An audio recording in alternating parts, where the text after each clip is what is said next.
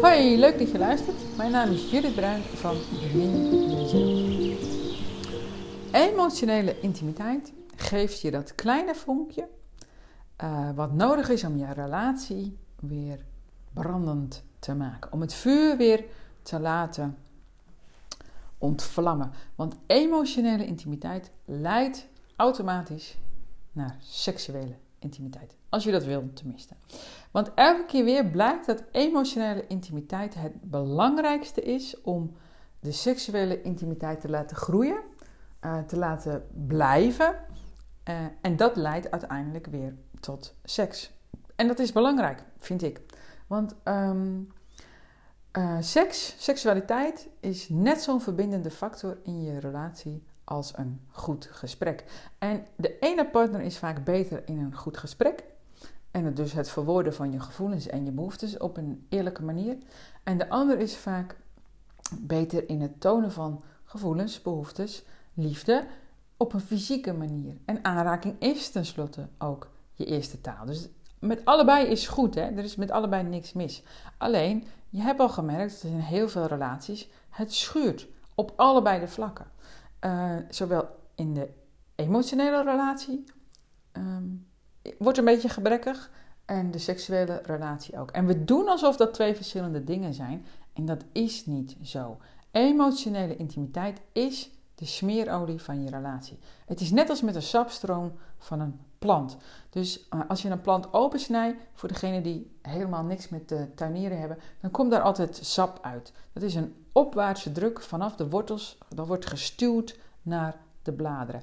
Dus een plant met, met uh, een plant kan dus alleen gezonde bladeren hebben als er een sapstroom is. Dus alleen wortels hebben is niet genoeg. Er moet uh, dat vocht moet naar, naar de bladeren toe. En daardoor groeit het en daardoor blijft het in leven. En daardoor wordt het ook steeds groter en mooier. Um, dus alleen gezonde wortels hebben is niet genoeg. Dus je kunt heel veel van elkaar houden. Dat is dan, zijn dan zeg maar de wortels. Hè? Maar als de, de emotionele sapstroom opdraagt, dan gebeurt uiteindelijk hetzelfde met de seksuele sapstroom.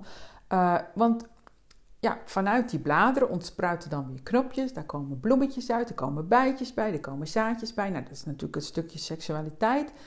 Onmogelijk zonder een sapstroom, zonder emotionele intimiteit. Dus de meest effectieve manier om seksualiteit in een relatie te brengen, terug te brengen of, of te verdiepen of het leuker te maken of wat dan ook. Dat is dus niet het kopen van seksspeeltjes of een cursus lapdance volgen of, of een womanizer cadeau doen.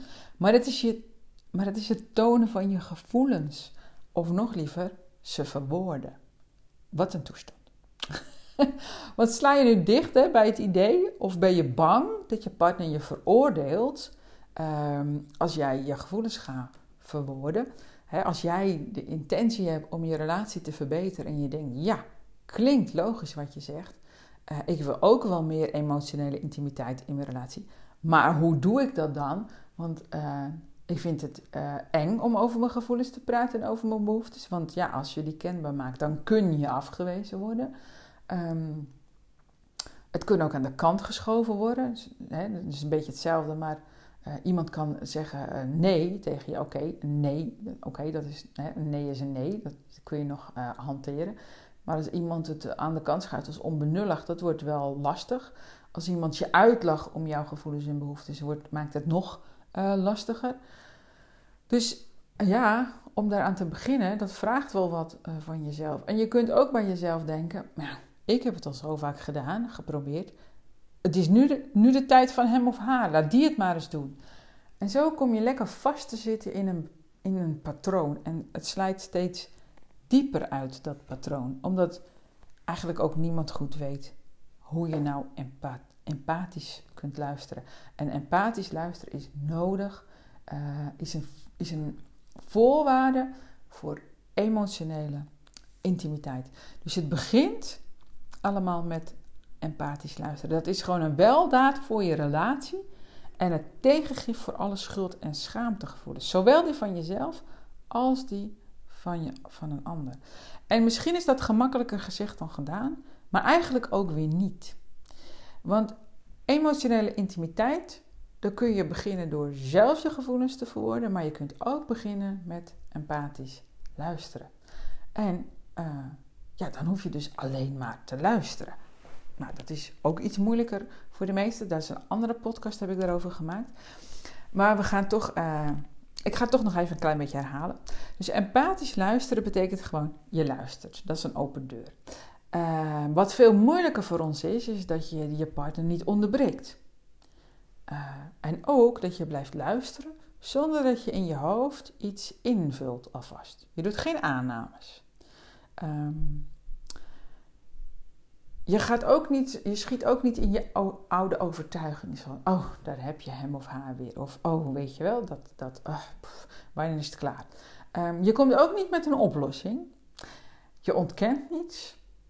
En je bagatelliseert ook niets. En je lacht ook niets weg. En het begint eigenlijk heel simpel. Je gaat hem of haar uitnodigen uh, door een vraag te stellen. En het enige wat je daarna hoeft te doen, is luisteren en dan zijn of haar woorden herhalen. En dat lijkt misschien een beetje kinderachtig, vooral uh, ja, als je het misschien voor het eerst doet. Um, maar het is juist heel helend, want je partner die voelt zich gehoord en daardoor ook gezien. En dat is emotionele intimiteit. Dat je je gehoord voelt, gezien, geaccepteerd, erkend, gewaardeerd. Um, ja, dat is allemaal, valt allemaal onder het noemertje emotionele intimiteit. En um, dat kunnen we even oefenen. Ja, ik doe het natuurlijk in mijn eentje, maar goed, kun je meeluisteren. En het is heel effectief. Dus alleen maar herhalen na het, na het stellen van een vraag. Dus dat zou een beetje kunnen gaan zoals dit. Zo van, uh, uh, hoe was je dag? Goed hoor. Um, uh, dus je dag was goed. Ja. Ah, nou, dan je, ja, wat nu hè? Dan denk je, nou, kun je vragen bijvoorbeeld, uh, nog iets speciaals gebeurd? Nee. Dus je dag was goed en er is niets speciaals gebeurd. Ja, dat zeg ik toch. Oh, oh en Peter die heeft eindelijk dat rapport ingeleverd. Peter heeft een rapport ingeleverd. Ja, eindelijk. Na drie keer vragen. Je hebt drie keer om dat rapport gevraagd en vandaag gekregen. Ja, gelukkig wel, want ik heb het nodig voor mijn presentatie van morgen.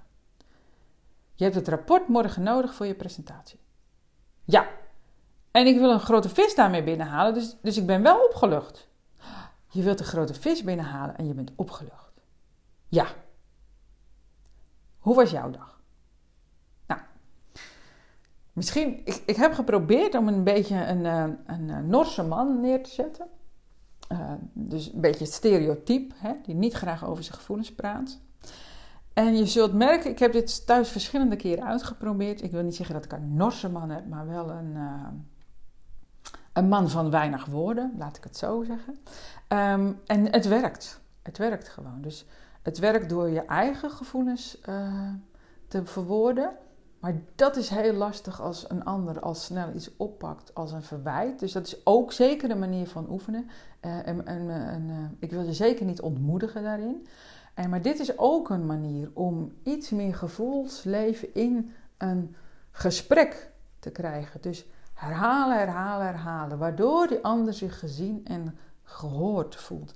Nou, dat is, voor mij is het de moeite van. Ik vind dat het de moeite van het proberen waard is. En wie weet, zijbelt er ook dus een heel klein beetje emotionele intimiteit in jullie relatie binnen. En uh, ook als man, als je dit luistert als man, als stereotype man dan maar weer. Um, nou, dit, dit is te doen ook, denk ik. Hè? Dus het ontbreekt ons namelijk nooit aan hersenen. Hè? Dus dat is het punt niet. En we hebben ook allemaal goede ideeën en oplossingen. Dat is ook allemaal het punt niet. Wat we gewoon niet zo goed in zijn, is de ander werkelijk zien en horen in wie die is. We zitten allemaal voor, vol met aannames en overtuigingen en ook nog eens blokkades en, en pijn uit het verleden. Nou, hele toestand, maakt niet uit nu. Nu, gaat, nu zit ik even in de oplossing. Uh, ga dit gewoon uh, oefenen. Want je wordt er niet in geschoold en dus je doet het ook heel weinig. En um, als je in een gesprek komt met een oordeel of een oplossing of een ervaring van jezelf, dan is de kans dat die ander zijn gevoelens met je deelt heel klein. Heel erg klein.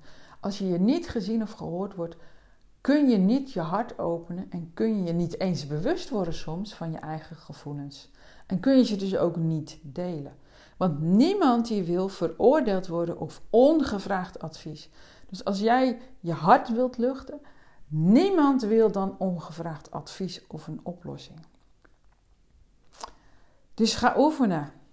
En dan, dan gaat je hart open. Zowel het hart van degene die empathie geeft, als van degene die empathie ontvangt. En dat is dus juist het grappige eraan. Dus als je meer empathie wil ontvangen, ga dan niet wachten totdat iemand die jou schenkt. Dit maakt je heel afhankelijk en het maakt je heel afhankelijk. En misschien ook wel weer kwaad dat die ander er nooit mee begint. Dus begin er gewoon zelf mee. En dan opent jouw hart zich en dan opent dus die emotionele intimiteit, die sapstroom, die gaat weer lopen. En er is er dus maar één voor nodig om dat op gang te brengen. En daarmee vergroot je ook de seksuele intimiteit. En wordt het bed weer lekker warm. En zowel een goed gesprek als een lekker warm bed leiden tot een vervullende relatie. En ik ga ervan uit dat je dit wil hebben, want je luistert nog steeds. Dus gewoon vaker doen dat empathisch luisteren. Um, want anders krijg je net als in al die, alle relaties, echt, het is allemaal heel herkenbaar, krijg je knallende ruzies om niets. Of om, om, om ogenschijnlijk niets. En dan weet je zeker, mijn partner is een eikel of mijn partner is een heks. Alleen maar omdat je je niet begrepen voelt, niet gehoord, niet gezien, niet erkend en niet geliefd. En als het heel serieus is, die relatiecrisis, dan voel je dit gewoon allemaal tegelijk. En en als je erbij blijft dat uh, je partner dit moet oplossen, dat hij of zij de oorzaak van jouw probleem is, um, dan dat is niet alleen een leugen, het maakt je afhankelijk. En dat weet je, want je hebt het waarschijnlijk al heel vaak geprobeerd. Omdat je niet beter weet. Nou, nu zou je iets anders kunnen gaan proberen. En dan hangt jouw levensgeluk ook niet langer meer af van die ander. Dus jouw levensgeluk hangt niet meer aan een zijde draadje. Want als jouw levensgeluk van een ander afhangt, dan, dan ben je niet echt veilig. Ook weer een reden om je hart uh, te dichten. En het ergste is, dat doe je dus zelf. Als jij die ander verantwoordelijk houdt voor jouw levensgeluk, dan ben je dat, dat doe je dus zelf. En natuurlijk valt of staat een relatie door de inzet van twee personen. Dat staat buiten kijf. Daar heb je twee personen voor nodig. Zit je eenmaal in de problemen, dan kan best de een beginnen met het oplossen. Ik noem het toch het oplossen, want empathisch luisteren kan een deel van het oplossen zijn. Ehm, jouw levensgeluk hangt niet van die ander af, tenzij je dat helemaal gekoppeld hebt aan je relatie. Dus als jouw levensgeluk gelijk staat met, het, met de staat van zijn van je relatie, dan heb je misschien een probleem. En misschien valt er nu een kwartje en misschien raak je lichtelijk in paniek. Dat snap ik, want ik heb zelf ook heel lang zo geleefd. Ik heb heel lang gedacht dat als mijn man zou veranderen, dat voor iedereen beter was. Voor mij en voor de kinderen en voor de relatie. En dat kan best zo zijn hoor, maar hetzelfde geldt voor mij. Als ik bepaalde dingen zou veranderen, zou dat ongetwijfeld een beter of gemakkelijker zijn voor mijn omgeving. Dat zou zomaar kunnen. Daar ben ik van overtuigd zelfs. En, uh, en, en daar kan ik ook mijn best voor doen. En dat doe ik ook. Daar ben ik mee op weg. En net zoals, net als ieder ander is hij op weg. Uh, maar net zoals ik niet verantwoordelijk ben voor uh, het geluk van mijn omgeving, is mijn omgeving dus ook niet verantwoordelijk voor mijn geluk. Ik hou ze dus niet verantwoordelijk voor mijn geluk. Als ik me ongelukkig voel door mijn omgeving, want dat denk ik dan natuurlijk, dan moet ik dus bij mezelf op onderzoek. En um, het is ook een, het is net zoiets als de arrogante gedachte dat ik iemand gelukkig kan maken. Dat is niet zo. Um, het is ook heel arrogant om te denken dat een ander mij gelukkig moet maken, omdat ik daar toevallig een relatie mee heb. Het is, het is heel gek dat wij zo denken. Want natuurlijk kun je dus bijdragen aan elkaars geluk, maar dat kan alleen als je zelf al gelukkig bent. Dus als je voor je geluk echt afhankelijk bent van je partner en van de, de toestand waarin je relatie zich verkeert, dan loop je in feite rond met een gat in je hart. of in je bekken, of allebei, zoals de meeste mensen. En dat is een schrale troost die je niet veel verder helpt, dat weet ik. We lopen dus allemaal, bijna allemaal rond met een soort van gapend gat in ons hart of in ons bekken. En dat komt vanuit je jeugd. En nee, daar hoef je geen slechte jeugd uh, voor gehad te hebben. Want elk mens heeft namelijk behoeftes. En een baby uh, heeft er misschien niet zoveel, maar wel 24-7. Hij wil dag en nacht verzorging. Dat is voor geen enkele ouder op te brengen. Dus bepaalde behoeftes gaan niet vervuld worden. Ook niet toen jij een baby was. Maar als baby kan je dan niet overzien dat als het niet nu vervuld wordt, dat het misschien wel later wordt vervuld. En dan raak je in paniek. Want het niet vervuld raken van een behoefte, een levensbehoefte, zoals honger hebben of aangeraakt willen worden, dat doet ongelooflijk veel pijn. Zoveel pijn dat je jezelf kunt afsluiten voor die behoefte als overlevingsmechanisme. En dan zijn de meeste mensen de rest van hun jeugd en een hele verdere leven soms wel bezig om alsnog die onvervulde behoefte vervuld te krijgen uit hun jeugd. Om dat gat te dichten. En dan kun je dus je behoeftes ontkennen, je kunt je aanpassen, je kunt gaan pleasen. Maar je kunt ook willen dat die ander verandert. En uh, als je bijvoorbeeld doet alsof je niets nodig hebt, dan heb je een heel afgevlakt leven. Dat zijn vaak ook de mensen die uiteindelijk zonder vrienden leven en zo. Ze weten gewoon, ze hebben geen bewustzijn meer op hun behoeften. Ze denken ook dat het allemaal niet zoveel uitmaakt. Ze doen dus ook geen moeite meer om die te vervullen. Of ze zijn te vaak teleurgesteld geweest omdat ze op, in de verkeerde kant, in de verkeerde richting lopen, zeg maar. En als ik dit zo vertel, dan begrijp je vast dat het zo werkt en wat er niet werkt. En toch doe je waarschijnlijk hetzelfde of je hebt hetzelfde gedaan. Want dat doen we allemaal. Je gaat naar school, hopelijk maak je vrienden, dan kus je een leuke studie, hoop ik. En dat gat dat blijft totdat, totdat je verliefd wordt en een relatie krijgt. Eh, want de liefde moet natuurlijk wel wederzijds zijn. En als je dan verliefd bent, dan projecteer je alsnog al die onvervulde behoeften op je partner. In de hoop dat ze alsnog vervuld worden. Want jij kiest altijd iemand die één van jouw diep weggestopte onvervulde behoeftes op een positieve manier laat zien. Dus mocht je bijvoorbeeld als kind niet op muziekles en kom je dan iemand tegen die prachtig piano speelt, dan zwijmel je helemaal weg. Hij of zij vervult een onvervulde behoefte van jou. Of heb je iemand, uh, ontmoet je iemand die veel heeft gereisd, terwijl jij niet verder dan een weekje Appelhof mocht van je ouders, uh, dan droom je misschien van gezamenlijk verder reizen. Of, of dat doe je ook. En dus dan is jullie gemeenschappelijke deler is samen verder reizen maken. En dan voel je dat je leeft. En uh, tot zover is er niks aan de hand. Dat is heel, heel enthousiast. Het is een mooi verhaal. Kun je fantastische films over maken. Alleen het is niet het einde van het verhaal. Want onbewust gooi je ook meteen de rest van je onvervulde behoeftes bij je partner over de schutting. Je ziet het niet helemaal meer helder door je roze bril. En je denkt dat omdat jouw partner toevallig mooi piano kan spelen of wel veel van de wereld heeft gezien, al jouw onvervulde behoeftes kan vervullen. En je partner die doet hetzelfde bij jou. Nou, eigenlijk worden hier ook natuurlijk films van gemaakt. Dit zijn altijd de trieste liefdesverhalen.